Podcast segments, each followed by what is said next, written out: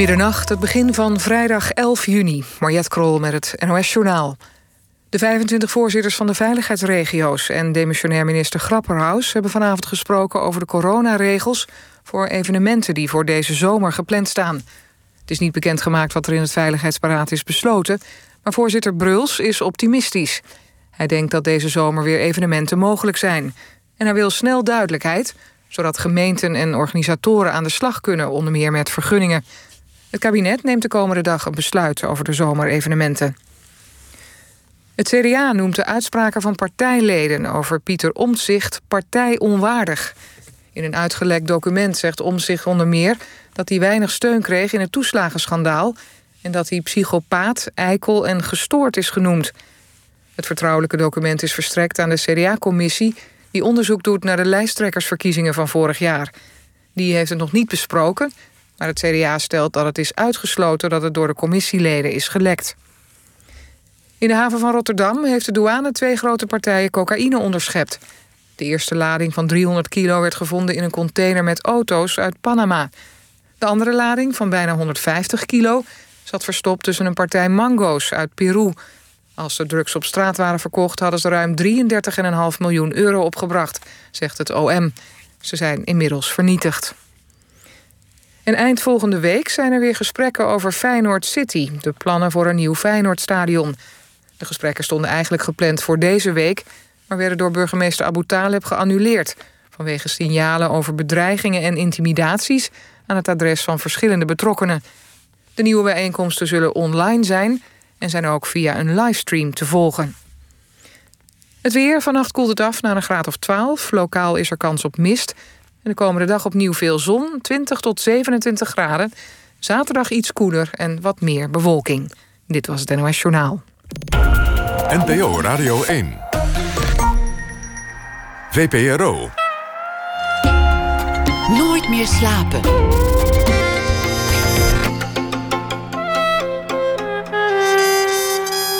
Met Pieter van der Wielen. Goedenacht en welkom bij Nooit meer slapen. Het is alweer een paar jaar terug, vraag me niet precies wanneer... toen er een uh, jonge journalist hier de studio in kwam gelopen... gewapend met twee ananassen. Getergd door liefdesverdriet was de verslaggever in het eerste onderwerp gedoken dat op zijn pad kwam. En dat onderwerp bleek toevallig de ananas. Wat opviel was hoe ver die ging om tot de bodem van zijn verhaal te gaan. Hij reisde de wereld over, sprak zo'n beetje elke ananaskweker en kwam terug met de ultieme ananas. Onze regisseuse heeft het er nog steeds over. Hij vond ook en passant de uitvinder van de tosti Hawaii. Vergat wel die even in het gezicht te slaan. Hoe dan ook, Lex Boon werd op slag een van mijn favoriete journalisten. Want hij gaat tot het gaatje. Voor het Parool en voor NRC Handelsblad tekent hij bijzondere verhalen op. En nu is er dan eindelijk een bundeling van die reportages en verhalen. De man die van zijn been een lamp maakte. In Rotterdam is er dus een man die van zijn geamputeerde been op sterk water een schemerlamp heeft gemaakt. En dat is maar één van de wonderlijke verhalen. Lex Boon werd geboren in 1983. Welkom, wat leuk dat je er weer bent. Dank je, fijn om hier te zijn. Met lege handen dit keer. Ja, niks meegenomen, geen ananas. Ben je nou uiteindelijk ook nog gaan handelen in die, in die ananas? Dat was het plan eigenlijk. En ik zag laatst iemand die doet nu via mango's. Dus die heeft de beste mango's. Uh, haalt die uit de wereld. Ingevlogen mango's die beter zijn dan supermarktmango's. En die. Uh, in de zon. Ja, en die verstuurt hij dan in pakketjes. En dat is eigenlijk precies mijn plan was dat met ananas. Ik heb hem wel even opgezocht van, oh, kunnen we het alsnog niet gaan doen met ananas. Dus altijd als ik denk van, als mijn carrièrejournalist echt strandt... Uh, misschien ga ik toch nog mijn fruitwinkeltje beginnen. En echt goed fruit, goede ananassen verkopen. Er zijn ook mensen die zeggen: je moet nooit handelen in iets waar je liefde voor hebt. Je moet juist handelen in iets waar je niks mee hebt. Want dan kan je gewoon onbeperkt dozen verplaatsen en je marge pakken en goedkoop inkopen. Ik zeg ook niet dat ik een goede, goede ananashandelaar zou zijn. Dus het is, uh, je zou verlies ja, maken. Ik zou verlies maken. Het geeft wel aan hoe je kan verliezen in een, in een verhaal. Dat als je ergens aan begint, dat je niet meer van ophouden weet. En dat, dat, je, dat je een soort rusteloosheid hebt en door moet gaan en nog verder door moet gaan. Want voor dat boek heb je, heb je heel veel reizen gemaakt en, en onvoorstelbaar veel mensen gesproken. Kan natuurlijk ook nooit uit. Rendabel wordt het niet. Maar, maar wat is dat eigenlijk dat je je verliest in je verhalen? Uh, de nieuwsgierigheid, denk ik. Een soort het compleet willen krijgen. Uh, altijd nog meer zien, uh, nog beter willen maken. En het is ook leuk om je ergens in te verliezen.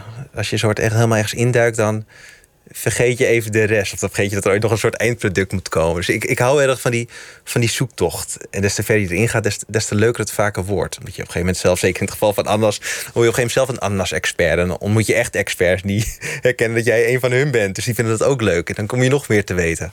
Zonder, zonder oneerbiedig over het onderwerp van de ananas te willen doen... Maar, maar bewijst dat dat je in elk willekeurig onderwerp zou kunnen verliezen... en toch met iets interessants thuis zou kunnen komen? Dat is wel mijn theorie, ja. Ik denk, ik denk dat dat kan.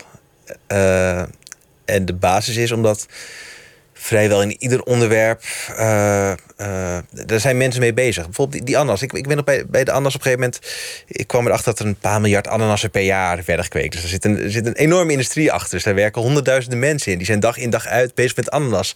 Dat doen ze ook met een reden. Dus uh, da, daar zit al een verhaal in. Die mensen hebben ook een geschiedenis. Dus, en dat geldt voor alles wat je ziet, hoort. Ik kom overal. Qua inspiratie kom ik altijd heb ik genoeg verhalen. Ik zie overal een verhaal in. Ja. Het moet dan wel bij jou nog aanhaken. Het is niet dat iemand tegen jou kan zeggen: hier, uh, weet ik veel, uh, kartonnen bekertjes, ga je gang. Ja, maar als ik dan eenmaal mijn gang ga, dan, dan lukt het meestal ook wel hoor. Zal het ook wel een boek kunnen worden ja. uiteindelijk. En als je dan nog het verhaal niet hebt, dan ja, moet je gewoon even verder zoeken. Dan moet je doorgaan. Dus ik vind dat wel een uitdaging om van iets wat geen verhaal lijkt, daar toch een, een verhaal van te maken. Of, uh... Waarbij helpt dat ananas de meest gebagatelliseerde vrucht ter wereld is. Want het wordt in, in blikjes van twijfelachtige kwaliteit overgoten met gore siroop op de markt gebracht voor 30 cent. Waarmee je totaal onrecht doet aan de mogelijkheden. Ja, ja helemaal. Dat is. Uh, uh... nee, vooral de verse ananas die je in de supermarkt koopt, dat die. Uh, die is eigenlijk niet helemaal rijp, want die komt met de boot. Dus die, uh, en een ananas die, uh, uh, die stopt met rijpen. En die gaat daarna rotten. Dus die kan je niet helemaal door laten rijpen. Want dan overleeft hij toch niet naar, naar Nederland. Dus ze doen een jaar lang zijn ze bezig om die ananas te laten groeien. Prachtige plant. En dan vlak voordat die perfect is, dan, dan oogst ze hem, dan hak ze hem af. Want die anders niet, helemaal niet lekker meer is. Het is bijna alsof je een, een hele chique Bordeaux uit je kelder trekt... vijf jaar voor die rijp is en hem in één keer achterover hem hebt. Exact dat, ja. Ja eeuwig zonde. Al die, al die moeite, al die energie voor iets wat net niet goed is. Welke, welke verhalen jeuken nog aan de ananas? Wie heb je nog niet gesproken of welke plek heb je nog niet bezocht? Of, of kan je dat op een gegeven moment wel Nee, wel ik heb de ananas wel, wel afgesloten hoor. Dat was wel, met het wel. boek was het klaar. Ik was dat, voor dat boek was ik al een beetje klaar. En zei mijn vriendin van ja, schrijf je nou een keer op. Maak dat boek af, rond het echt af. Dus dat heb ik gedaan. Uh, en, en, mensen blijven er nog wel over mailen hoor, en vragen stellen. Maar dat is wel een soort... Uh, ik probeer me niet meer te verliezen in de ananas. Dat is, uh... en, en er was toen ook liefdesverdriet dat, dat gaandeweg de reis begon te slinken. Ja. Alsof dat gapende gat dat was achtergelaten door ananas werd gevuld. Ja. Wat ik, wat ik wel, wel zoet vind. Ja, ja, nee, daar begon het allemaal mee. Liefdesverdriet is mijn ex-vriendin. Die, die, uh, die, die, die, die, kwam met een ananasplant aan uh, op onze woonboot. Die gaf het aan me en niet veel later maakte ze het uit. Dus zo kwam die ananas in mijn leven. Uh, dus ik dacht ook, ja, ik moet wat... Ik had... het was het laatste aandenken. Je klampte aan die plant. Ja, dus ik denk, ik, iedere keer als ik treur, dan ging ik iets doen met die ananas. En dan dacht ik, oh, dan ben ik even wat bezig, ben ik eruit. Dus die, die ananas heeft mij door mijn liefdesvliet heen gesleept. Zelfs tot op de dag dat ik met een ananas in mijn hand een café binnenkwam... en daar uh, mijn huidige vriendin ontmoette. De cirkel was rond. Ja, en een heel leven verder alweer. Atte Jongstra schreef een boek over worst. Dat hij zich in worst ging verdiepen om zijn, zijn echtscheiding te verwerken. En dan ook alles over worst moest weten. Ja, ja nee, zo, zijn, zo, zo ja. doen mannen dat kennelijk. Zo gaat dat, denk ne ik. Neem een hobby.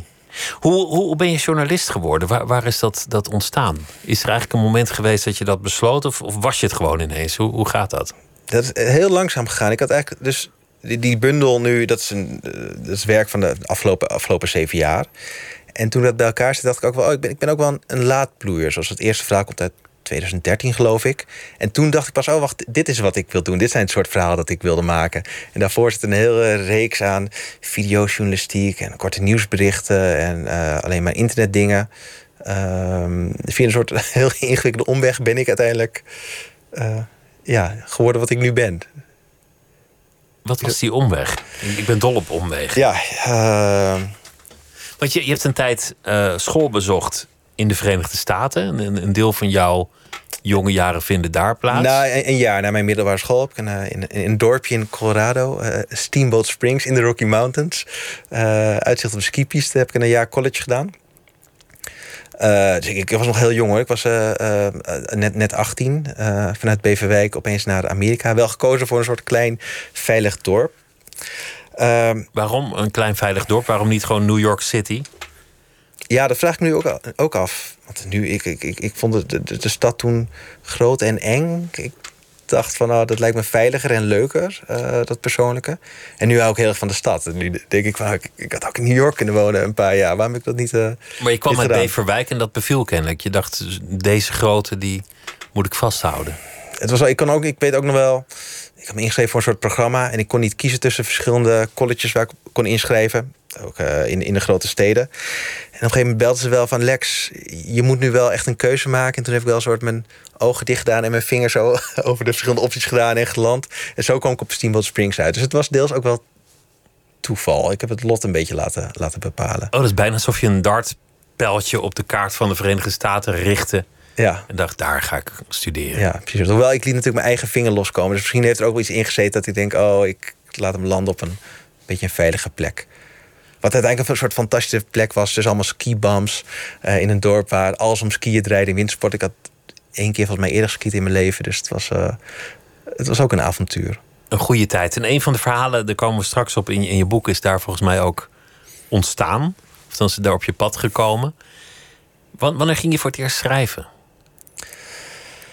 Uh, eigenlijk toen ik in Amerika studeerde, toen had ik gewoon een soort, soort, soort dagboek bij voor familie en vrienden. Uh, waar ik veel tijd aan besteedde. Dat, dat, vond, ik, vond ik leuk. En daarna heb ik het heel lang niet gedaan. Uh, ik ben teruggekomen naar, naar Nederland. Heb ik in uh, sociologie gestudeerd. In Amsterdam, stadssociologie. toen een paar jaar gewerkt en een beetje gereisd. Toen ben ik met video's maken begonnen. Ik, was op reis in mijn eentje. En ik, ik verveelde me eigenlijk gewoon een beetje. Ik wist niet zo, wat doe ik hier eigenlijk? Waarom ben ik op pad, op pad gegaan? En toen heb ik een klein klein cameraatje gekocht met een, uh, een bandje erin en zo. En toen ben ik in, uh, uh, ja, in, in, gewoon iedere dag filmpjes gaan maken. Wat, wat een geweldig gegeven trouwens. Je, je gaat op je grote wereldreis, je hebt gespaard, vrijgenomen. En dat, dat is natuurlijk wat de meeste mensen als antwoord hebben op, op de leegte van het bestaan. Ja. Reizen, ja. een bucketlist.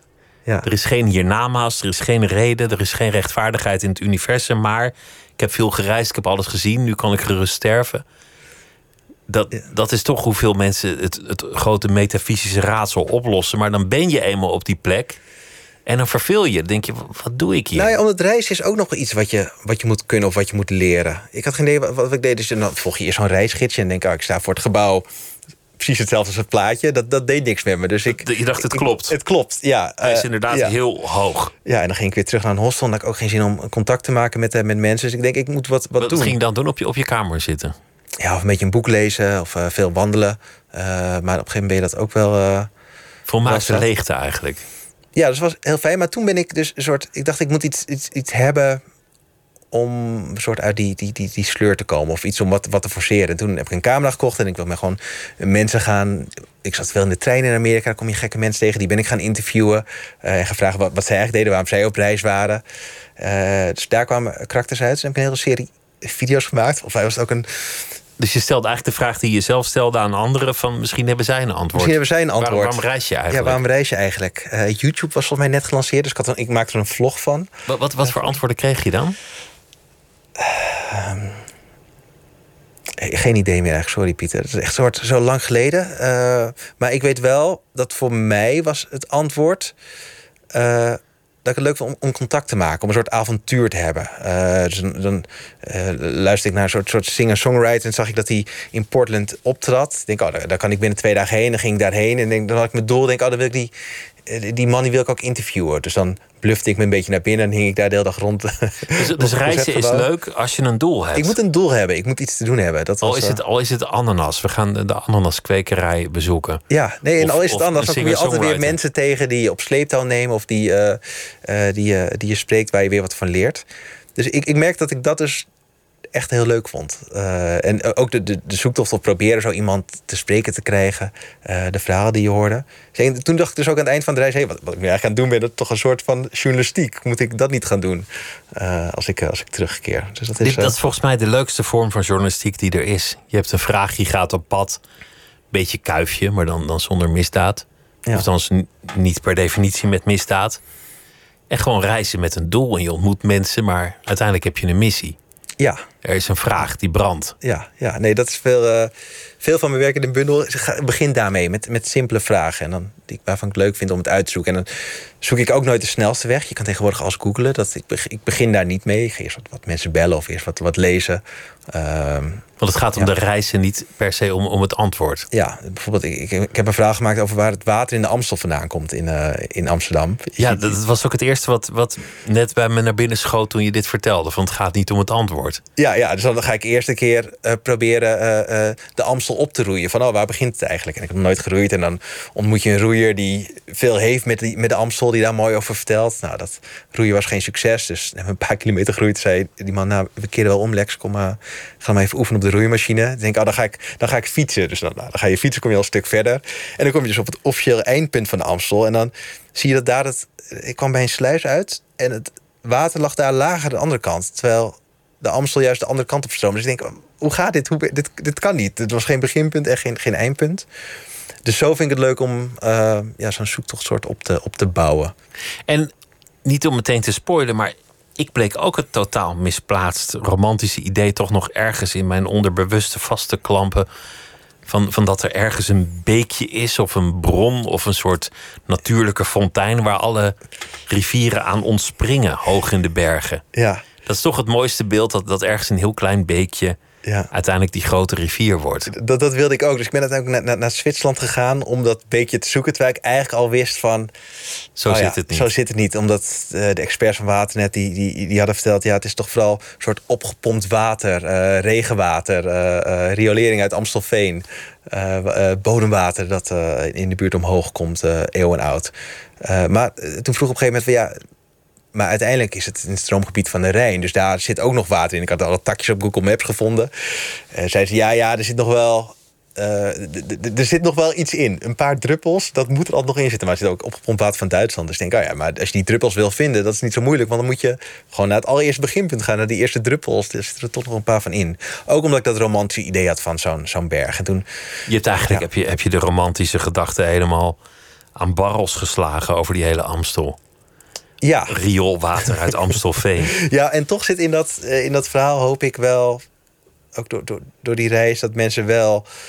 Uh, uh, zich wel weer gaan vervonden. En wordt wel romantiek. Want uiteindelijk was ik bij, dicht bij die bron en we konden niet verder vanwege, vanwege sneeuw. En uh, de fotograaf die had gewoon gymschoentjes aan. Ik was slecht voorbereid. Uh, het was nog veel kouder dan ik had gedacht. En toen zagen we dat water. En dan, dan sta je daar en denk je, ja, maar waar komt dit water dan weer vandaan? dan moet er ook ergens in een uh, uh, verdampt zijn in een zee en via een regenwolk uh, weer naar beneden zijn gekomen. Dus het is. het blijft. Ik, ja, als we, probeert een soort romantiek nog in te krijgen. Als we op zoek gaan naar de oorsprong in een cyclisch systeem, dan kunnen we onszelf natuurlijk jaren en jaren bezighouden. Ja, ja.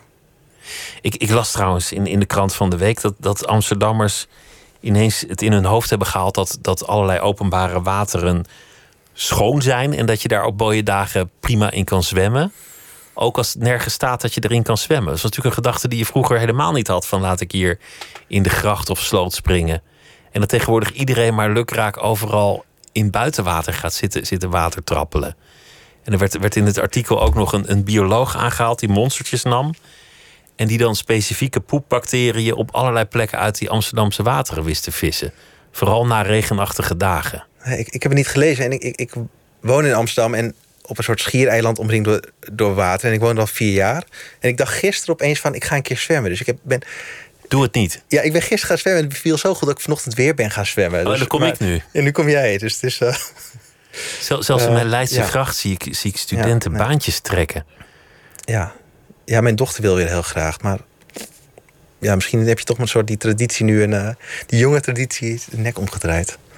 Je, je, je, kwam op redacties terecht, onder meer van NRC Handelsblad. Maar redacties zijn natuurlijk ook een soort georganiseerde instituten. Daar kan je niet zomaar binnenkomen bij een hoofdredacteur. Zeker niet als je de jongeling bent van... Uh, baas, ik heb toch zo'n leuke vraag. Mag ik een week vrij? Althans, week vrij, mag ik een week op pad? Ja. Hoe doe je dat? Uh, ja, ja, ja, lastig. Want ik, ik kwam binnen binnen journalistiek had het videojournalistiek gedaan. Ik was een filmpje aan het maken op bedrijfsvideo's. dacht ik, ah, dat, dit, dit, dit is toch ook niet, wil ik ook niet. Uh, uiteindelijk kwam ik uh, terecht bij, bij NRC. maar bij de website van NRC, nrc.nl. En dat is een soort afgesloten eiland op die enorme indrukwekkende redactie. Het werd ook niet altijd serieus genomen eh, digitaal. Dus dat was heel fijn en heel veel korte nieuws. Maar ik heb drie jaar lang alleen maar nieuwsberichtjes lopen maken. Uh, en ja, ik had geen, geen ruimte om iets anders te doen. Of geen toegang tot de rest van de, van de redactie. Want daar loop je inderdaad niet naar binnen. Van nee, ik wil dit eens doen. Omdat er werken ook zoveel journalisten dat uh, iedereen uh, is met zijn eigen portefeuille bezig. En als je daar even overheen gaat, dan krijg je, Zit je iemand zwaarwater. Ja, ja.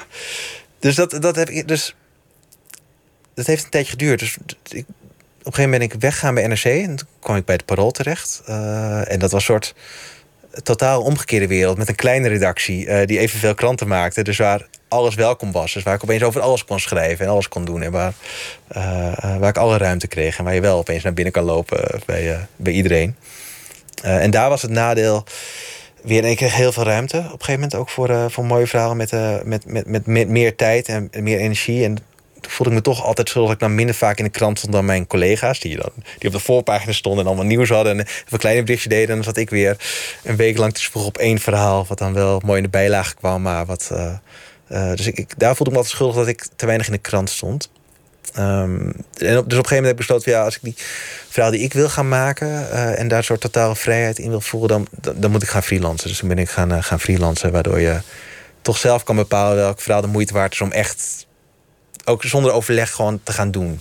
Of ergens in te duiken zonder dat je weet dat er, eh, wat er wat uitkomt. En als het dan af is, dan presenteer je het en dan probeer je het te slijten aan deze en of gene. Ja, en meestal laat ik eerder wel weten van nou, ik heb iets waar, ik, uh, waar wat uitkomt. Want dan krijg ik ook een soort deadline die ik dan wel weer nodig heb. Anders blijf ik doorgaan. Dus dan. Uh, uh, ja, dus, ja, dat is voor een freelancer ook niet handig om, om eeuwig in één verhaal te blijven Nee, nee, dat is, uh, dat is zeker. Er zijn, er zijn verhalen bekend van journalisten die bij hun eerste verhaal gestrand zijn. omdat ze dachten: pas als ik alles weet, ga ik publiceren. Ja. En dat kwam dan nooit. Ja, nee, dus daarom neem ik af en toe het risico door te laten vallen van waar ben ik mee bezig. En dan hoort iemand dat en dan krijg je altijd wel een belletje of een mailtje van... oh, kan je, oh, dat verhaal, kan je dat dan en dan af hebben? Schiet eens op. Ja, dus een deadline is lekker. Die, druk heb ik nodig, ja. Anders komt er inderdaad niks, uh, niks van. Het, het, het, verhaal over de, de, de kunstroof uit, uh, uit de kunsthal in Rotterdam schreef je voor, voor NRC. Mhm. dat, dat is natuurlijk een heel groot prominent nieuwsverhaal geweest. Ja. Jij, jij maakt er een, een fantastische reportage van. Maar dat is natuurlijk een verhaal waar veel andere verslaggevers ook wel opgedoken zullen zijn. Hoe, hoe, heb je dat gekaapt? Nou, dat was mijn, mijn eerste verhaal voor uh, mijn groot, eerste grote verhaal voor NRC. Uh, ik vond dit een fascinerende zaak. Ik maakte al drie jaar veel korte nieuwsberichten. En, en die, die kunsthal vanaf het eerste moment bleef me dat bij. Ik denk, ja, die schilderijen die moeten ergens zijn. Uh, die roof was knullig, uh, hoe makkelijk ze binnenkwamen. Uh, die schilderijen waren fascinerend. Ik, ik kende die hele wereld niet. Dus ik ben dat blijven volgen. Maar ik, ik, ik, ik, ik, zat met me, ik, kon niks doen, want ik schreef niet voor de krant. Dus de, de cultuurredactie van NRC deed heel goed werk. Op prachtige verhalen over gemaakt. Daan van Lent en, en, Pieter van Os. Die hielden zich daarmee mee bezig. Op een gegeven moment... Um, zijn die jongens, het waren Roemenen, jonge Roemeense uh, jongens die, uh, die braak hebben gepleegd.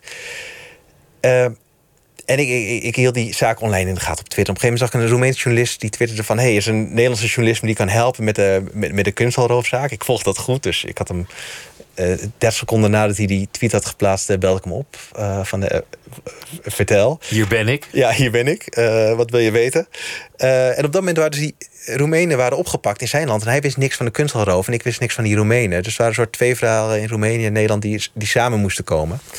Dus dat heb ik toen voor, uh, uh, voor de website opgeschreven.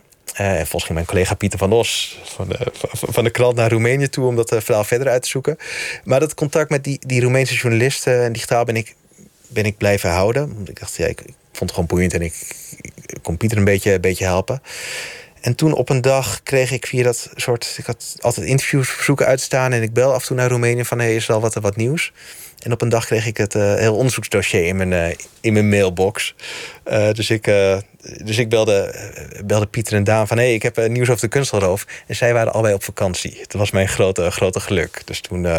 toen was het jouw verhaal? Toen was het mijn verhaal. Zij zei, oh, nou Lex, doe jij het dan maar. Dus toen kon ik eindelijk een keer wat voor de voorpagina schrijven. Een soort het eerste verhaal van wat is er gebeurd. En toen een week later begon die, die rechtszaak in Roemenië. Toen zei ik, jongens, ik, we moeten er eigenlijk wel bij zijn. Uh, en die anderen waren nog op vakantie, dus toen mocht ik naar Roemenië. Volgens mij ben ik nog een paar keer naar Roemenië geweest om dat hele verhaal rond te krijgen. Dus het, is, uh, het is een, een absurde kunstroof. Helemaal niet het verhaal dat je vaker leest over, over bijvoorbeeld een, een nooit opgeloste kunstroof in Chicago, waar het professionals waren die zeer gericht een specifiek doek kwamen halen. Ja. En, en na lange voorbereiding daarin in slaagden. En dat doek is volgens mij ook nooit gevonden. Dit waren prutsers van de eerste orde. De, de vraag die, die nog steeds blijft steken is: hoe kwamen ze daar in godsnaam naar binnen? De beveiliging moet echt tekort zijn geschoten. Ja, nee, dat, dat was het ook. Het was, was niet amper beveiligd. De één camera, ze zijn via een branddeur binnengekomen die ze van buiten konden forceren. En die jongens wisten niks van, van, van de kunstwereld en de, en de ze waren wel goed in inbreken, dus dat deden ze heel goed. Uh, een slotje forceren, dat konden ze. Ja, tegen de, tegen de branddeur aanbeuken. Uh, waardoor je uit open sprong omdat het een soort nooddeur was die altijd open moest kunnen van binnenuit en niet van buitenuit. Er was eerst nog het verhaal, dat bleek dus niet zo te zijn, dat ze zich op de wc zouden hebben opgesloten na sluitingstijd. Om nee, zo naar buiten nee, te komen. Dat, dat was was niet, dus niet uh, zo. Nee, nee. En die, en die, en die jongens die, die, ja, die, die, die keken films. Die, die droomden van zo'n grote roof zoals je in de, in de film ziet. En ze dachten, ja, dat, dat gaan wij ook doen. En Radu, de, de leider van, uh, van, van die bende, die, uh, die had de grootste plannen. Uh, en het, het, dat, dat verhaal zit vol soort toevalligheden aan, aan elkaar. Want op een gegeven moment denk je, oké, het wordt tijd voor een, grote slag. Uh, we, gaan, uh, we gaan kunst roven. En dan is het van, ja, oké, waar moeten we zijn? En zegt iemand, ja, in een museum. En dan zit ze in de auto en tikt ze in de TomTom museum in. En dan komen ze in Rotterdam eerst bij het Natuurhistorisch Museum. En dan kijken ze daar van, ja, ja, nee, hier kunnen niks stelen. En dan draaien ze zich om en dan zien ze de kunsthal met uh, de, de, grote, uh, grote tentoonstelling van de collectie van de Cordia's... die daar dan een week later plaatsvindt. En dan zien ze bekende namen, die gaan ze googelen en denken... oh, wacht, dat moeten we, dat moeten we hebben. En ze hadden een, een, een, een Picasso, een Monet, een, Lucien Freud... Een Lucien Freud, Meijer de Haan... en de Van Gogh laten hangen. En de Van Gogh laten hangen, ja. ja dat, is echt... dat, dat is misschien niet de slimste beslissing al. Nee, dat laat ook zien ja, dat is, geen idee. Dus ze hebben op formaat uitgekozen. Wat, wat kunnen we makkelijk tillen? Het is ook als die, uh, die bewakers of die, de mensen van het museum... zoals daar binnenkomen om te kijken wat de schade is... dan zien ze als eerst die van Gogh hangen en denken ze... oh, gelukkig, want ja, die is 80 miljoen waard. Uh, en de rest uh, was iets minder waard. Was voor 18,1 miljoen verzekerd, geloof ik. En dan volgens die, die jongens, ja, die, hebben, die denken... Oh, we hebben een grote... Onze slag geslagen. En dan komen ze erachter van... ja, oh, maar wat nu? Wat moeten we met die kunst? En Aan wie verkoop je dat? ja, en da- daar hebben ze niemand voor, want ze hebben ook helemaal geen, eh, geen contact. Dus uiteindelijk slaan ze op de vlucht met die schilderijen eh, naar Roemenië. En dan, eh, ja, loopt daar. En dan worden ze steeds onvoorzichtiger op zoek naar kopers. En dan benaderen ze zelfs iemand die ze uit hun dorp kennen, die een assistent is van een bekende Roemeen. Een soort de Gordon van Roemenië. die graag te koop loopt met zijn chique levensstijl. Dan denk ik, ah, die, die man moet toch wel interesse hebben. Dus op die manier wordt het steeds onvoorzichtiger, waardoor ze uiteindelijk. eh, Daardoor de het op het spoor komt. Ja, iemand eh, zegt eh, oh, wat ik nu heb gezien. En dan komt de politie komt op het spoor en dan. Het meest tragische aan deze zaak is dat die doeken uiteindelijk verbrand zijn door de moeder van een van de, van de daders, of op dat moment nog Ja. verdachte, want die dacht: dure schilderijen zal ik zie het gewoon als bewijsmateriaal tegen mijn zoon in de open haard ermee of in, in de kachel. Ja. Had dat niet voorkomen kunnen worden? Want, want dat is eigenlijk waar de, waar de politie zijn aandacht op had moeten richten in plaats van het pakken van die inbrekertjes, is het redden van die doeken. ja, ze hebben die jongens lang afgeluisterd. eh, in de hoop dat ze op het spoor kwamen van, van de doeken. En op een gegeven moment gebeurt er iets waar iemand zegt... eh, we moeten er gewoon vanaf een steeks in de fik. En dan, eh, dan pakken ze ze op, want ze denken... Oh, er moet niks gebeuren met die doeken. En vervolgens wordt het hele dorp binnenste buiten gekeerd. Ze hebben echt hun best gedaan om die doek te vinden. En ja, dat is gewoon niet, niet gelukt. Eh, en er blijft altijd nog een beetje eh, twijfel over, over het lot van die doek. Of ze allemaal echt verbrand zijn. Dat zou je nooit meer weten natuurlijk. Nee, en de, ehm, de, de, dus, maar bijvoorbeeld Arthur Brandt, kunstdetective, eh, die, heeft, eh, eh, die, die, die heeft foto's wel gekregen vanuit de onderwereld, waar je de Lucien Freud bijvoorbeeld aan de muur ziet hangen van, een, eh, eh, eh, ja, van iemand thuis met een krant erbij met een recente datum. Ehm, hij denkt dat ze er nog zijn. Ik iedereen die ik altijd heb gesproken bij het onderzoek en de, eh, onderzoek naar de asresten, al die mensen denken niet meer dat hij dat die terugkomt. Ik heb ik heb die jongens ook wel gesproken, een paar. Allemaal op vrije voeten. Ik heb een keer eentje opgezocht in, eh, eh, eerst in Roemenië en later in, in Londen. Ehm, en daarvan kreeg ik op een gegeven moment ook wel... Ik liep weg na zo'n afspraak met... Ze wilden niet zeggen, maar dat ze toch echt niet meer gaan terugkomen. Hoe zijn die jongens dan terechtgekomen? Zijn ze dan nu weer gewoon vrolijk andere dingen aan het inbreken? Ja, het is een grote, Dat is een grote vraag. Uh, een van de, van de jongens uit die groep, uh, B2, die, uh, die hoorde niet helemaal bij die roof, maar die hoorde wel, die heeft later bij de verkoop koop geholpen. Die heeft een, een autogarage in, in Londen. Uh, als een kunst over is, appen elkaar even. Hij vindt mij een soort aardig. Misschien hij Alexander weet. Hij is ik, nu ik, wel in het onderwerp geïnteresseerd. Ja, we hebben een paar keer, ont, uh, een paar keer ontmoet. Um, dus hij, ja, hij zegt dat hij gewoon, gewoon hard werkt en um, uh, het druk is met auto's. Dat blijkt ook al wel uit, uit, zijn foto's. Maar zij zijn uiteindelijk veroordeeld ook om die 18,1 miljoen schade die de verzekering heeft uitgekeerd terug te betalen. Dus zij kunnen eigenlijk officieel geen geld verdienen, want dan moeten ze allemaal afstaan. Dus ja, die. Uh, zijn dan daardoor misschien toch weer veroordeeld tot zwart geld. Dus ja, ze moeten ergens van, uh, van leven en hun uh, levensstijl bekostigen. Maar jullie vinden elkaar aardig. Het, het kwam allemaal niet heel intelligent over.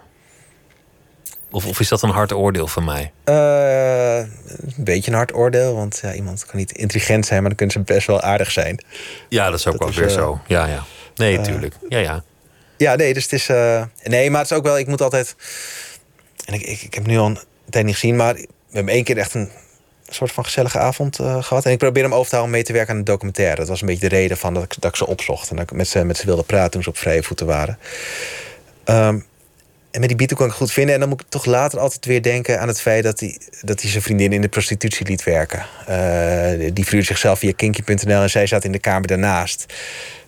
Dus dat besef ik altijd weer van, oh ja, het is ook weer het is niet per se aardige jongens. Nee, het is ook een, een inbreker. Het is niet moeder Teresa natuurlijk. Nee, nee. Maar goed. Nog een verhaal dat in je, in, je, in je boek staat. Dat is eigenlijk waar zijn de matrozen gebleven in de havenstad Amsterdam? Ja. Fantastische vraag. Ja. Hoe, hoe komt zo'n vraag ineens boven? Um, een soort herinnering aan Seel. Uh, een paar jaar geleden. Want als, als, als Seel in Amsterdam is, en ik vind het een, een mooi evenement, dan lopen al die matrozen uh, van Seel, die lopen in hun mooie pakjes, lopen ze over de kades en dan uh, lopen ze te flaneren, zoals het vroeger was, en een beetje een show, show uit te voeren.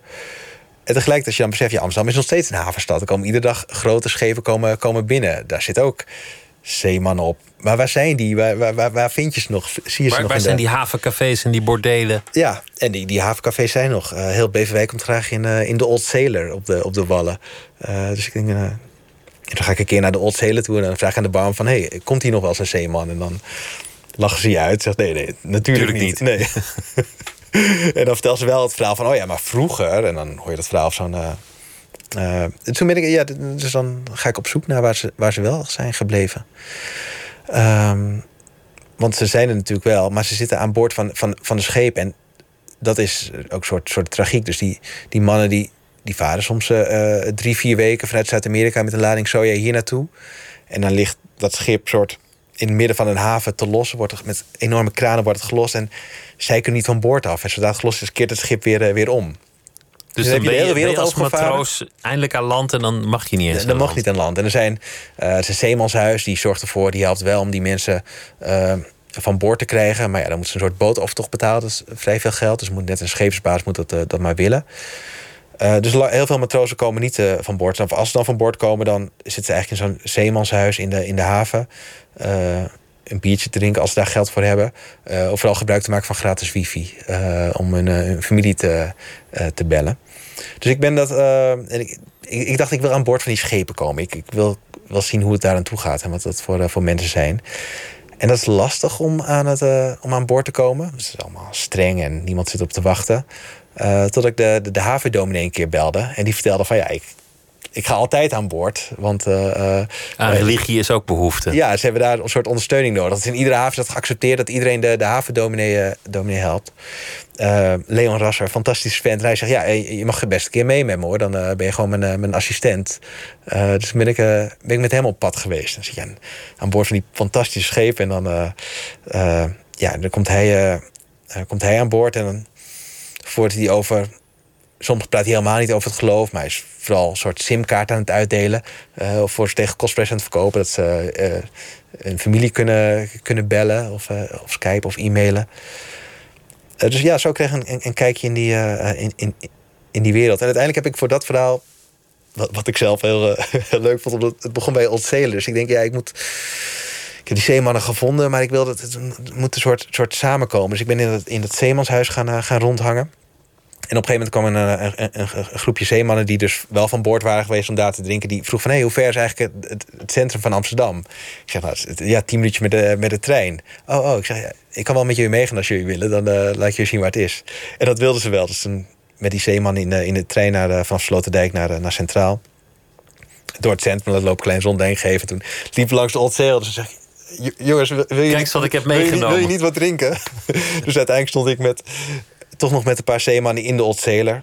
Uh, en die waren eigenlijk helemaal niet zo heel blij daar. Dus oh, ze zei van, oh ja, wil eigenlijk, kunnen we weer, uh, weer teruggaan? Dus wij in, in, de taxi terug. Oh, vond niet leuk, wilde je al terug naar huis? Zeg, nee, ja, onze vrouw op de Filipijnen, die worden zo wakker. Dus we willen ze, we willen ze zien. Daar draait het om. Altijd om familie. Dus het is de enige reden waarom ze die die helse baan hebben is om, om geld te verdienen om een familie te ondersteunen.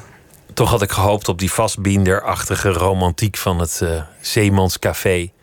Om, om die sfeer op te roepen, bedacht ik me ineens een liedje dat je, dat je eigenlijk nooit meer hoort van uh, Jacques Brel over de haven van Amsterdam.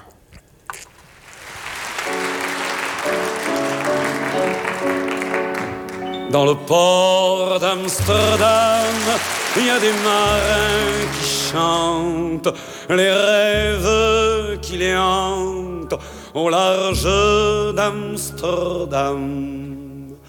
Dans le port d'Amsterdam, il y a des marins qui dorment comme des oriflammes le long des berges mornes dans le port d'Amsterdam, il y a des marins qui meurent, pleins de bière et de drames, aux premières lueurs. Mais dans le port d'Amsterdam, il y a des marins qui naissent dans la chaleur épaisse des longueurs océanes. Dans le port d'Amsterdam, il y a des marins qui mangent sur des nappes trop blanches des poissons ruisselants. Ils vous montrent des dents à croquer la fortune, à décroisser la lune, à bouffer des haubans. Et ça sent la morue jusque dans le cœur des frites que leurs grosses mains invitent à revenir en plus. Puis se lèvent en riant dans un bruit de tempête, referment leurs braguettes et sortent en rotant. Dans le port d'Amsterdam, il y a des marins qui dansent en se frottant la panse sur la panse des femmes. Et ils tournent et ils dansent comme des soleils crachés dans le son déchiré d'un accordéon rance.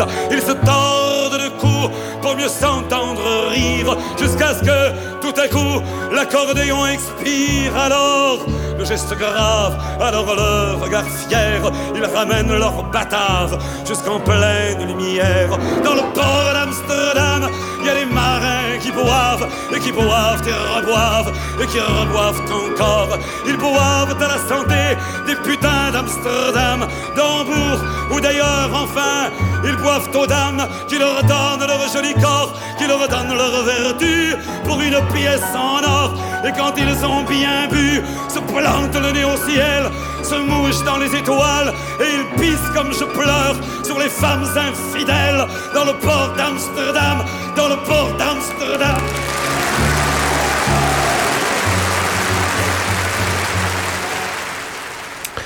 Jacques Brel over de haven van Amsterdam. Een van de reportages van Lex Boon die tegenover mij zit, gaat over de vraag: waar is dat havenleven eigenlijk gebleven? Waar verblijven al die matrozen die Amsterdam aandoen?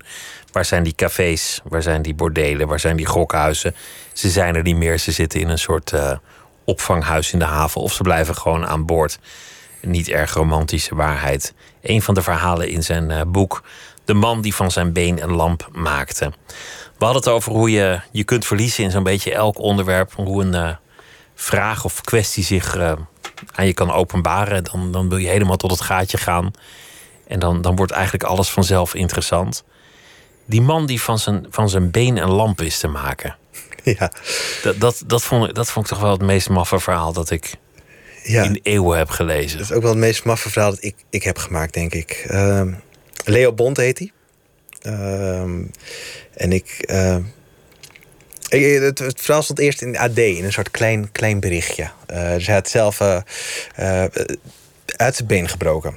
In een, iemand had hem in een kinderzwembadje getild. Hij was gevallen, beenbreuk. Het was een beetje een soort grap. Iemand wilde hem een beetje tackelen. Of... Ja, ja, en dat liep verkeerd af. niet, niet een heel groot probleem ook, was, was te herstellen. maar er kwamen allemaal infecties in en operaties die mislukten. Dus het werd erger en erger en erger. Tot het moment kwam dat de, de, arts zei van ja, toch na twee jaar gedoe is het beste om u, uh, uw been te amputeren. Dan, dan kunt, u, kunt u doorheen. En toen zei, zei Leo: Ja, dat is prima, maar wat gebeurt er eigenlijk met mijn been? En ze zei: Ja, ja meneer Bonte, ja, dat gaat bij het, bij het medisch afval.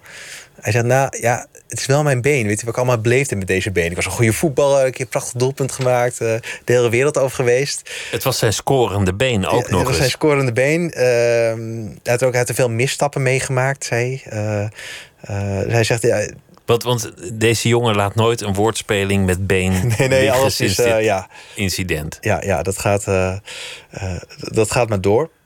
Uh, dus hij zegt, eh, prima als je mijn been amputeren, maar het blijft mijn been. Dus ik, ik wil daarna wel terug. Maar ja, meneer, wat, wat gaat u er mee doen? En toen had hij een soort ingeving en zei... ik ga er een lamp van maken. Wist hij opeens een soort zelfverzekerd. Uh, dus zei, nou, ja, weet eigenlijk niet of dat wel kan. Moeten we uitzoeken. En toen vertelde Leo dat aan allemaal vrienden toen hij thuis kwam. Iedereen reageerde een beetje raar. Hij zegt, ja, zo gek is dat toch niet? Dus dan heeft hij de krant gebeld, AD, van ja, jongens, ik wil van mijn benen een lamp maken en dat kan niet. Dus de AD die had dat, uh, dat opgeschreven. Een soort vrij klein, zakelijk. En ik las dat en ik vond ten eerste een fantastische vraag. Gewoon, oh ja, van wie is het? Wat, wat is het eigenlijk nog een soort onderdeel van een lichaam? En mag je dat terugvragen? Mag je dat terugvragen? Hoe, hoe werkt dat? Uh, dus ik ben... Uh, ik heb Leo gebeld, uh, ben langzaam geweest. een paar dagen later, een soort uitgebreid gepraat over zijn, zijn leven. En het was een, een mooie man. En we hebben toen een soort, soort contact gehouden uh, richting die operatie. Ik, ik dacht, ja, ik, ik, wist nog niet of, of het nou echt een verhaal was of wat het zou gaan worden. Maar toen ben ik hem, eh, ben ik hem blijven volgen voor die operatie, na die operatie. Op een gegeven moment stuurde je zelfs foto's van... oh, kijk hier, hij gaat zo af, nog tien minuten of zo. Dat, echt, uh, echt, maar ook met die vrolijkheid. Het was, was niet een enorm drama voor hem? Het was een drama, maar het drama was al geweest. Hij was blij. Voor hem was die, die, die, die, die...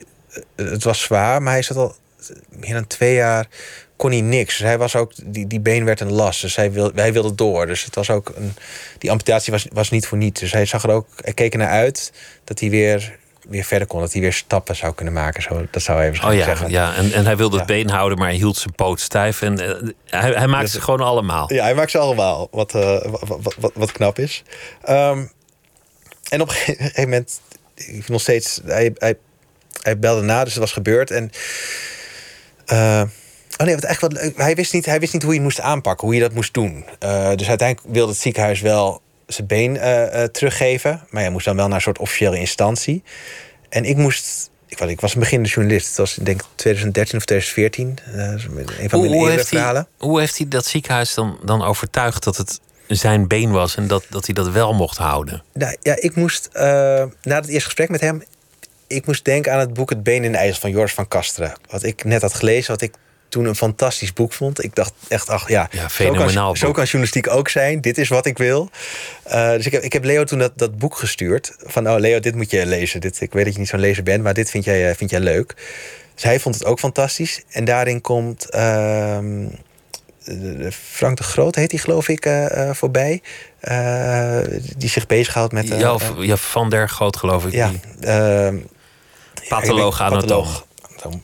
Uh, en die, hij, hij dacht aan die, hoe die praat over, over, over, over dat been in de ijzel en over lichaamsdelen. Dat Leo zag dat helemaal voor zich. Dus hij heeft hem gebeld van: hey, dit is mijn verhaal.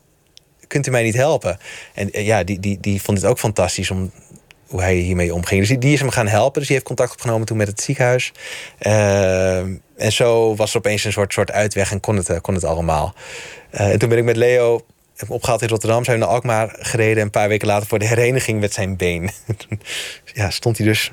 We gingen de, de lamp werd getest. Dan stond hij voor het eerst met zijn eigen been zo in zijn, in zijn handen. Een soort onwennig. Uh... Op sterk water. En dan, dan is er een soort lampconstructie... waarbij dat sterke water ook helpt om het licht te verspreiden. Ja, ja. En dan zit hij dus nu in zijn kamer een boekje te lezen of zoiets met Ja. het licht van wat ooit zijn been was. Ja, nou, er zijn wat draadjes kapot, vertelde hij onlangs. Dus hij staat even niet aan. Hij moet hem even maken. Maar hij staat nog naast, eh, naast zijn bank, ja.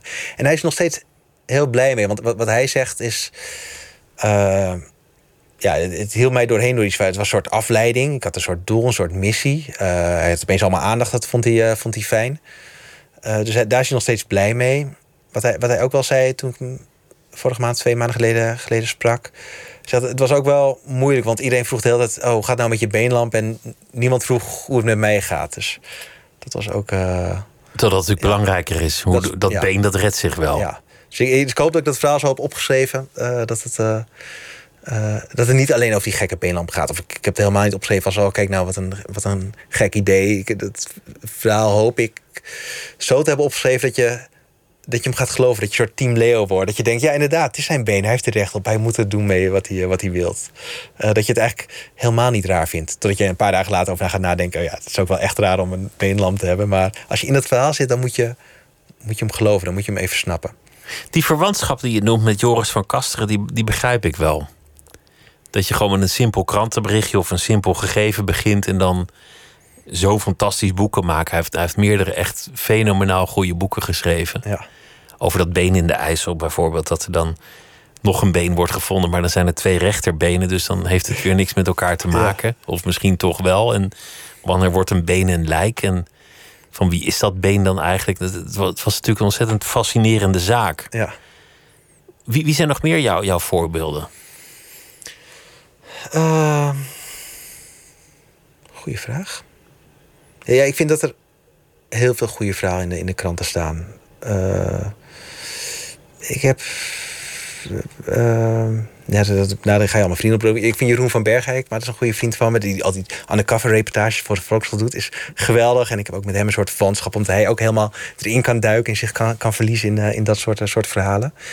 Ik heb zelf heel veel toen ik begon met, met journalistiek, uh, heel veel Amerikaanse podcasts geluisterd. This American Life, uh, die verhaalde journalistiek. Dat waren dingen waar ik, op, waar ik echt op aansloeg. Dat ik dacht, oh wacht, zo kan het ook. Echt het verhalen vertellen, ja. het, het literaire, maar wel werkelijk. Dus, dus, dus niet fictie. Ja, en wel echt journalistiek. Dus ik, ik, ik, ik, ik check alles. Ik probeer het wel... Het uh, moet kloppen. Echt, het moet kloppen. Ik, ik ga het niet mooier maken dan het, dan het is. En als het niet mooi genoeg is, dan probeer ik het wel mooi te maken... omdat ik geloof dat het altijd wel iets mooiers is. Dan ga ik, ga ik zoeken naar een manier om het wel mooi te maken en het te laten kloppen.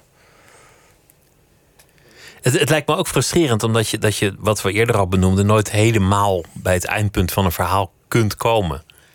Nee. Er is altijd de deur die dicht blijft, of het, of het ding dat je niet kan weten. Je, ja. je wil er altijd verder in. Ja, maar hetzelfde als een verhaal is natuurlijk op papier nooit zo goed als het in je, in je hoofd hebt, hebt zitten. Dus het is ook wel ik ben ook wel blij als een verhaal klaar is en op papier staat. Dat dan kan ik door. Dan sluit je het ook wel, wel af. Hoewel ik dan. Uh, ik, vond, ik vond voor dit boek vond ik het heel leuk om iedereen weer even te, te bellen. Uh, van oh, hoe gaat het nu, uh, jaren, jaren later. En dan gaat dan zo'n verhaal ook weer. Want dit zijn natuurlijk oude verhalen die je, die je voor een deel hebt moeten, moeten opwarmen. Ja, er is een soort, soort nawoord bij van wat gebeurt er nu. En er zit, er zit, zit één uh, fantastisch gegeven in. Of dat vond ik, vond ik zelf wel grappig. Ik, werd door de krant werd ik, uh, op een cruise gestuurd. Uh, op de mini-cruise van Nieuwcastle naar IJmuiden heen en weer. Omdat die zou vol zitten met vrijgezellenfeesten. Op vrijdagnacht van Nieuwcastle naar Amsterdam. Het zou uit de hand lopen. En zouden mensen worden vastgezet in hutten aan boord van het schip om zich, zich misdroegen. Zei Lex, ga daarheen, maak daar een verhaal over. Dus ik met de fotograaf aan, aan boord. En toen vertrokken we uit, uit Newcastle. En toen keek omheen. Het bleek er dus geen enkel vrijgezellenfeest te zijn. Echt helemaal... Helemaal niet. Helemaal niks. En dan, dan, dan, dan zit, je, uh, zit je daar. Uh, toen kwamen opeens soort, allemaal soort liefdesverhalen. Uh, ik hoorde iemand achter me zeggen van... Uh, er stond zo'n grote vogel, zo'n papegaai. Iemand in zo'n pak met die piraat voor de kinderen. Zo iedereen welkom te heten. En ik hoorde iemand zeggen van... Hey, kijk, dat was ik en dat was jij. Dus ik, draai me om en ik vroeg... Hè, hoe bedoel je? En dat was een stel die had elkaar aan boord ontmoet. Terwijl zij de vogel was en hij de piraat ernaast. En uh, ze waren nu een soort... Ja, terug naar een, uh, begin van hun liefde. Een soort huwelijksreis. Ze waren vol verliefd. Dus ik, ja, ik heb hun uh, de, hele cruise gevolgd. En er waren allemaal andere, dat soort liefdesverhalen. Dus het werd een soort loveboat. Die lelijke ferry van, uh, van Nieuwcastle naar IJmuiden. Uh, en zelfs op de dansvloer deed hij...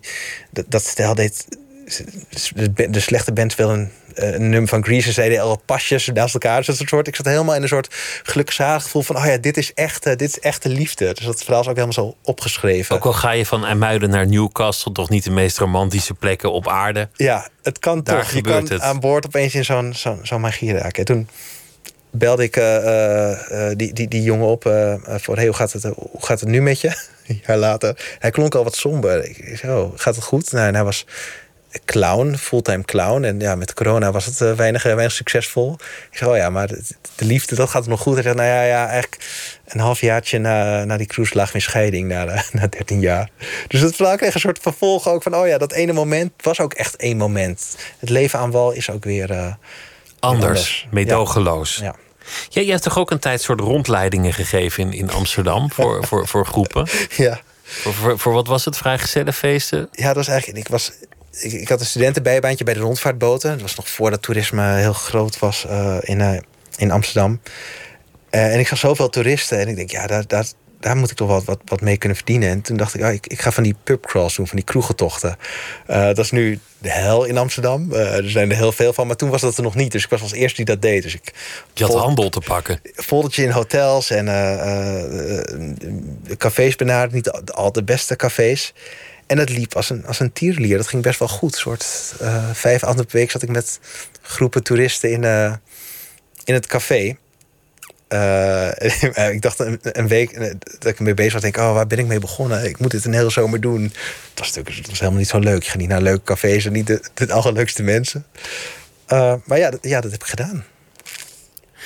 Net als de video's voor bedrijven die je maakte. Had je een goudmijntje? Vond je het niet leuk? Ja, ja, toen kwam ik- dus ja. Dus eigenlijk, die, die kroegentocht waar ik geld mee verdiend. Toen ging ik op reis, ging ik video's maken. kwam ik terug, denk ik, oh, video's kan ik maken. Ben ik een soort cameraopleiding gaan doen. Nog voordat ik echt in de journalistiek belandde. En toen maakte ik veel bedrijfsvideo's. Ja, maar ik dacht, op een gegeven moment werd ik gebeld door een bedrijf. En die wilde een soort website maken met, met, waar je online keukens kon kopen. En die hadden een grote loods met allemaal proefopstellingen van keukens. En die wilden van ieder deurtje, hoe die open dicht ging, een video hebben, een filmpje hebben. Dus ze belden mij van, hey, kan jij dat doen? Ik dacht, ja, dat kan ik wel, maar daar heb ik zo geen zin in. Dus ik denk, nou, dan noem ik wel een heel, een echt extreem hoge dagprijs. Eh, en ik was jong, dus bij nader inzien helemaal niet zo hoog. Hoor. Maar toen zei ze, ja, doe maar. Dus toen zat ik een week later, een dag lang ergens in een grote loods... allemaal keukenkastjes te filmen. Ik dacht, oh ja, is, is dit wat ik wil doen Wordt met de mijn rest leven? van mijn leven? Ja, dus toen ben ik contact gaan zoeken met, met NRC. Van, hé, hey, eh, jullie beginnen een nieuwe website. Is er niet een, eh, is er niet een plekje? Dus zo ben ik... dat was een soort moment dat ik dacht, oh, ik moet, ik, ik moet een andere, ander pad inslaan. Je hebt wel die gedrevenheid nodig. Het moet wel uit jezelf komen. Ja, ik vind snel dingen saai ook wel. Dus dan ben ik er... eh, Je, je stuurde als een soort grap toen je jong was, dat zeg je er dan wel bij, lang geleden. Waar je ook naartoe ging, een kaartje aan koningin Beatrix. ja. Noordeinde en dan het nummer. Ik weet het nummer niet uit mijn hoofd. Postcode kan je zo opzoeken. Ja. En dan stuurde je, goh, eh, lieve koningin, we hebben het hier fantastisch. eh, het weer is lekker. Gisteren hebben we de Eiffeltoren gezien. Lieve groetjes. Ja. Ik, ik ben er niet trots op, is volgens mij de eerste zin van het, van het stuk. Eh, nee, het is ja. ook niet echt iets om trots op te zijn, maar het is ook wel weer grappig. Ja, het, was wel, ja, het is wel grappig. Het beg- Het begon met dat ik een ansichtkaart over had op vakantie. Ik schrijf graag ansichtkaart op vakantie. Dat vind ik leuk met de postzegel. Ik denk, oh, naar wie moet ik deze sturen? En dat dacht ik, oh, dat doe ik wel naar de koningin. En mijn eh, toenmalige vriendin vond het zo irritant... dat ik het daarna eigenlijk altijd ben gaan doen. Eh, ik denk, met het idee van, nou, een grap wordt leuker als je het langer volhoudt. Dan wordt op een gegeven moment wordt het echt leuk. En het Wat, wat niet echt waar is. niet echt, eh, nee. Daar kwam ik ook achter. En uiteindelijk kreeg je, kreeg je ook kaartjes terug. Ja, op een gegeven moment kwam ik op de verkeerde stapel. Dus ik wilde ook weten hoe dat, hoe dat ging. En op een gegeven moment kreeg ik, kreeg ik post terug. En toen was het, oh, bedankt voor uw eh, eh, nieuwjaarswensen. Ik denk, nee, wacht, ik ben, van, ik ben Lex van de vakantiekaarten. Ik doe geen nieuwjaarswensen. Eh, dus ik kreeg een soort chique post terug. En toen ben ik er later ben ik erin gedoken. Toen bleek het toch een soort heel community te zijn van mensen die, ja, die dit soort dingen verzamelen. Die dag in dag uit alleen maar brieven aan het sturen zijn naar koningshuizen in heel Maar- Europa. maar- maar staat in de er- hoop post te krijgen. Dan, dan staat er het, het behaagde koningin u te bedanken. Of Zoiets. Maar, maar niet, niet uit eerste hand toch dat, dat, dat de koningin schrijft van dankjewel Lex. Groetjes. Nee, nee, helaas niet. Maar die, die, die echte die brievenschrijvers, die weten dus naar welke koningshuizen je moet schrijven, waarvan je dan een grotere kans hebt dat je wel een keer wat persoonlijks Die terugkrijgt. verzamelen dat. Ja, en als er dan een handtekening tussen zit, dat is al fantastisch. En soms zelfs een persoonlijk briefje. Het is, en toen ik eenmaal daarachter kwam, dacht ik... oh ja, nee, bij die club, daar wil ik echt niet horen. Dus toen maar ben toch, ik ook, toch een fantastisch verhaal uiteindelijk. Uiteindelijk levert het toch een, een verhaal op. En dat is zo'n zo'n verhaal, zo gaat het op een, op een redactie. Dan vertel je dat een keer tijdens de, tijdens de lunch. Van, oh ja, wacht, wat ik, uh, wat ik ooit heb gedaan. En dan komt een soort konings achteraan zegt iemand... oh, Lex, schrijf een keer dat verhaal op over zo'n... Uh, over die kaartjes. Dan zeg je nee, nee, ja, ja, doe maar wel dan. Over de kaartjesschrijvers en de, en de briefbeantwoorders. Leuk, leuk, verhaal, uh, leuk verhaal aan. We hebben er nog één te goed, want, want je had het over Amerika... waar je een jaar college deed. Niet in New York, maar in de provincie. En een van die verhalen, die, die ben je daar toen tegengekomen. Over de gedachte dat je het eeuwige leven zult bereiken door jezelf in te vriezen. Ik kwam het eigenlijk iets later tegen. Ik heb, een paar jaar later, af en toe las ik nog de lokale krant daar. Een soort online, om een beetje soort terugkeren. Ik had nog wat vrienden daar zitten. En dan kwam ik een klein krantenberichtje tegen... dat de toekomst van de Frozen Dead Guy onzeker zou zijn. En ik dacht, een soort secberichtje. Ik denk, wat is dit? En dan blijkt daar in een schuur een dode man te liggen ligt al uh, enkele tientallen jaren. En die is ooit neergelegd door zijn, zijn kleinzoon, uh, uh, Trikvi. En die gelooft inderdaad, als je iemand invriest na zijn dood... dan komt er ooit een dag dat je hem tot leven kan werken. En hij droomde van een instituut daar in de Rocky Mountains... waar mensen zouden kunnen laten invriezen. Er zijn een paar van dat soort plekken waar, het, waar het echt kan. En hij is dat toen zelf gaan, gaan bouwen. En toen kreeg hij een belletje vanuit Noorwegen... van Trikvi, slecht nieuws, je, opa is overleden. En hij zei, oh, dat is fantastisch nieuws... want dat is mijn, mijn eerste klant voor mijn cryonisme-instituut.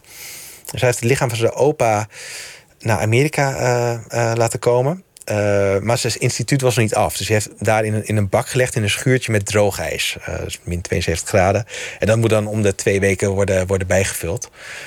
en hij ging verder aan zijn, aan zijn instituut bouwen. ja, dat is een soort ongelooflijk verhaal. maar hij was illegaal in Amerika, in de Verenigde Staten. Dus toen werd hij het land uitgezet. het was begin jaren 90. En toen raakte hij in paniek, want zijn opa lag in het schuurtje... en niemand wist daarvan. En toen, begin jaar van het internet, heeft hij via een soort messageboard... heeft hij iemand daar uh, in de buurt gevonden, Bo... Bo Schaefer, die, uh, die, heeft, die heeft hij volgens jarenlang ingehuurd om iedere twee weken naar het schuurtje te rijden om een nieuwe lading droogijs te brengen. Dat was zijn baan geworden. Ja, dat was zijn baan geworden om maar die uh, opa uh, bevroren te houden. In de hoop ooit weer tot leven gewekt te worden. Het verhaal gaat nog veel verder. Het, het werd een, een, een vreselijk conflict, een lokale mythe. Het, het, werd eigenlijk ook een soort circus. Er kwam een soort festival omheen, Frozen Dead Guy Days. Het, was de... het, het verhaal wordt, wordt eigenlijk bij elke bladzijde die omslaat nog absurder en, en nog gestoorder. Ja. Maar, maar het begint dan met één klein krantenberichtje. Ja, eigenlijk wel. En dat, dat het betekent niet dat er altijd wat achter zit. Maar toen heb ik die, die, die, die ijsman, die, die, dat ijsverzorgster, die Bo... die heb ik een keer een bericht gestuurd van... hé, hey, wat, is nou jouw verhaal? En zei oh, ik heb toevallig net allemaal opgeschreven in een soort boekje. Uh, ik stuur het je wel, wel op, wat je adres? Uh, en ik zou hem ook een boek sturen. En toen kwam de keurige NRC-redactie kwam een klein boekje binnen... en er zat een soort bol in. En ik denk, oh, wat is dat? En er zat een hele zak wiet in, want hij kweekt ook wiet in, eh, in Colorado. Dat het nog aankomt. Ja, dus dat, uh, ik dacht, oh wacht, dit is ook wel een karakter. Dit, het, was, het voelde als een begin van een, van een verhaal. Dus dat, uh, toen heb ik die trick uiteindelijk opgespoord in Noorwegen. En hem in, uh, ik ben het schuurtje geweest. En nou ja, zo gaat dat. Zo ging het verhaal rollen. Wat, wat wordt je volgende project? Um, ik hoop een boek te schrijven over, uh, over alle Van Goghs die ooit zijn gestolen. Aan de hand van de uh, Van Gogh die het Singularis gestolen vorig jaar. Het is een beetje een soort, soort lockdown-projectje. er gebeurde eindelijk wat. Dus ik naar, naar het museum de dag na de, na de roof. Um, en toen vroeg ik me af van oh, hoeveel van Gogh zijn er eigenlijk gestolen ooit. En er was niemand die mij daar een antwoord op kon geven. Dus toen ben ik tijdens de lockdown in de avonduurtje al een krantenarchief gaan uitspitten. En toen kwam ik fantastische verhalen tegen over Van Goghs die ooit zijn, uh, zijn gestolen. Veel in de jaren negentig van allemaal mensen die niet meer op vrije voeten zijn. Dus die probeer ik te spreken op de, op de sporen. Dus ik... Uh, over het roven van een echte Van Gogh. Ja, Juist wat, wat jouw Romeinse uh, onderwerpen niet hadden gedaan, hadden laten, nagelaten. ja, ja. Het was zo zielig voor die mensen in, in Laren. Het was zo'n uh, droevige dag voor ze. Ja, ja, en nog steeds. Ze kunnen er nog steeds moeilijk over praten. Dankjewel dat je langs wilde komen. Het uh, boek heet De man die van zijn, lamp, van zijn been een lamp maakte. Lex Boon, dankjewel. Het was uh, leuk om naar je te luisteren. Dit was Nooit meer slapen voor deze nacht. Morgen op deze kruk Lotje IJzermans. En wie op bezoek komt, dat is Mensje van Keulen. En straks kunt u luisteren naar uh, Miss Podcast. Goeienacht.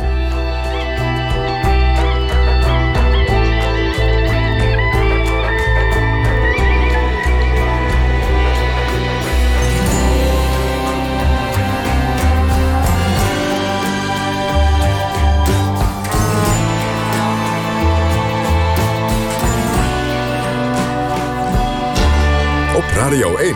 Het nieuws van alle kanten.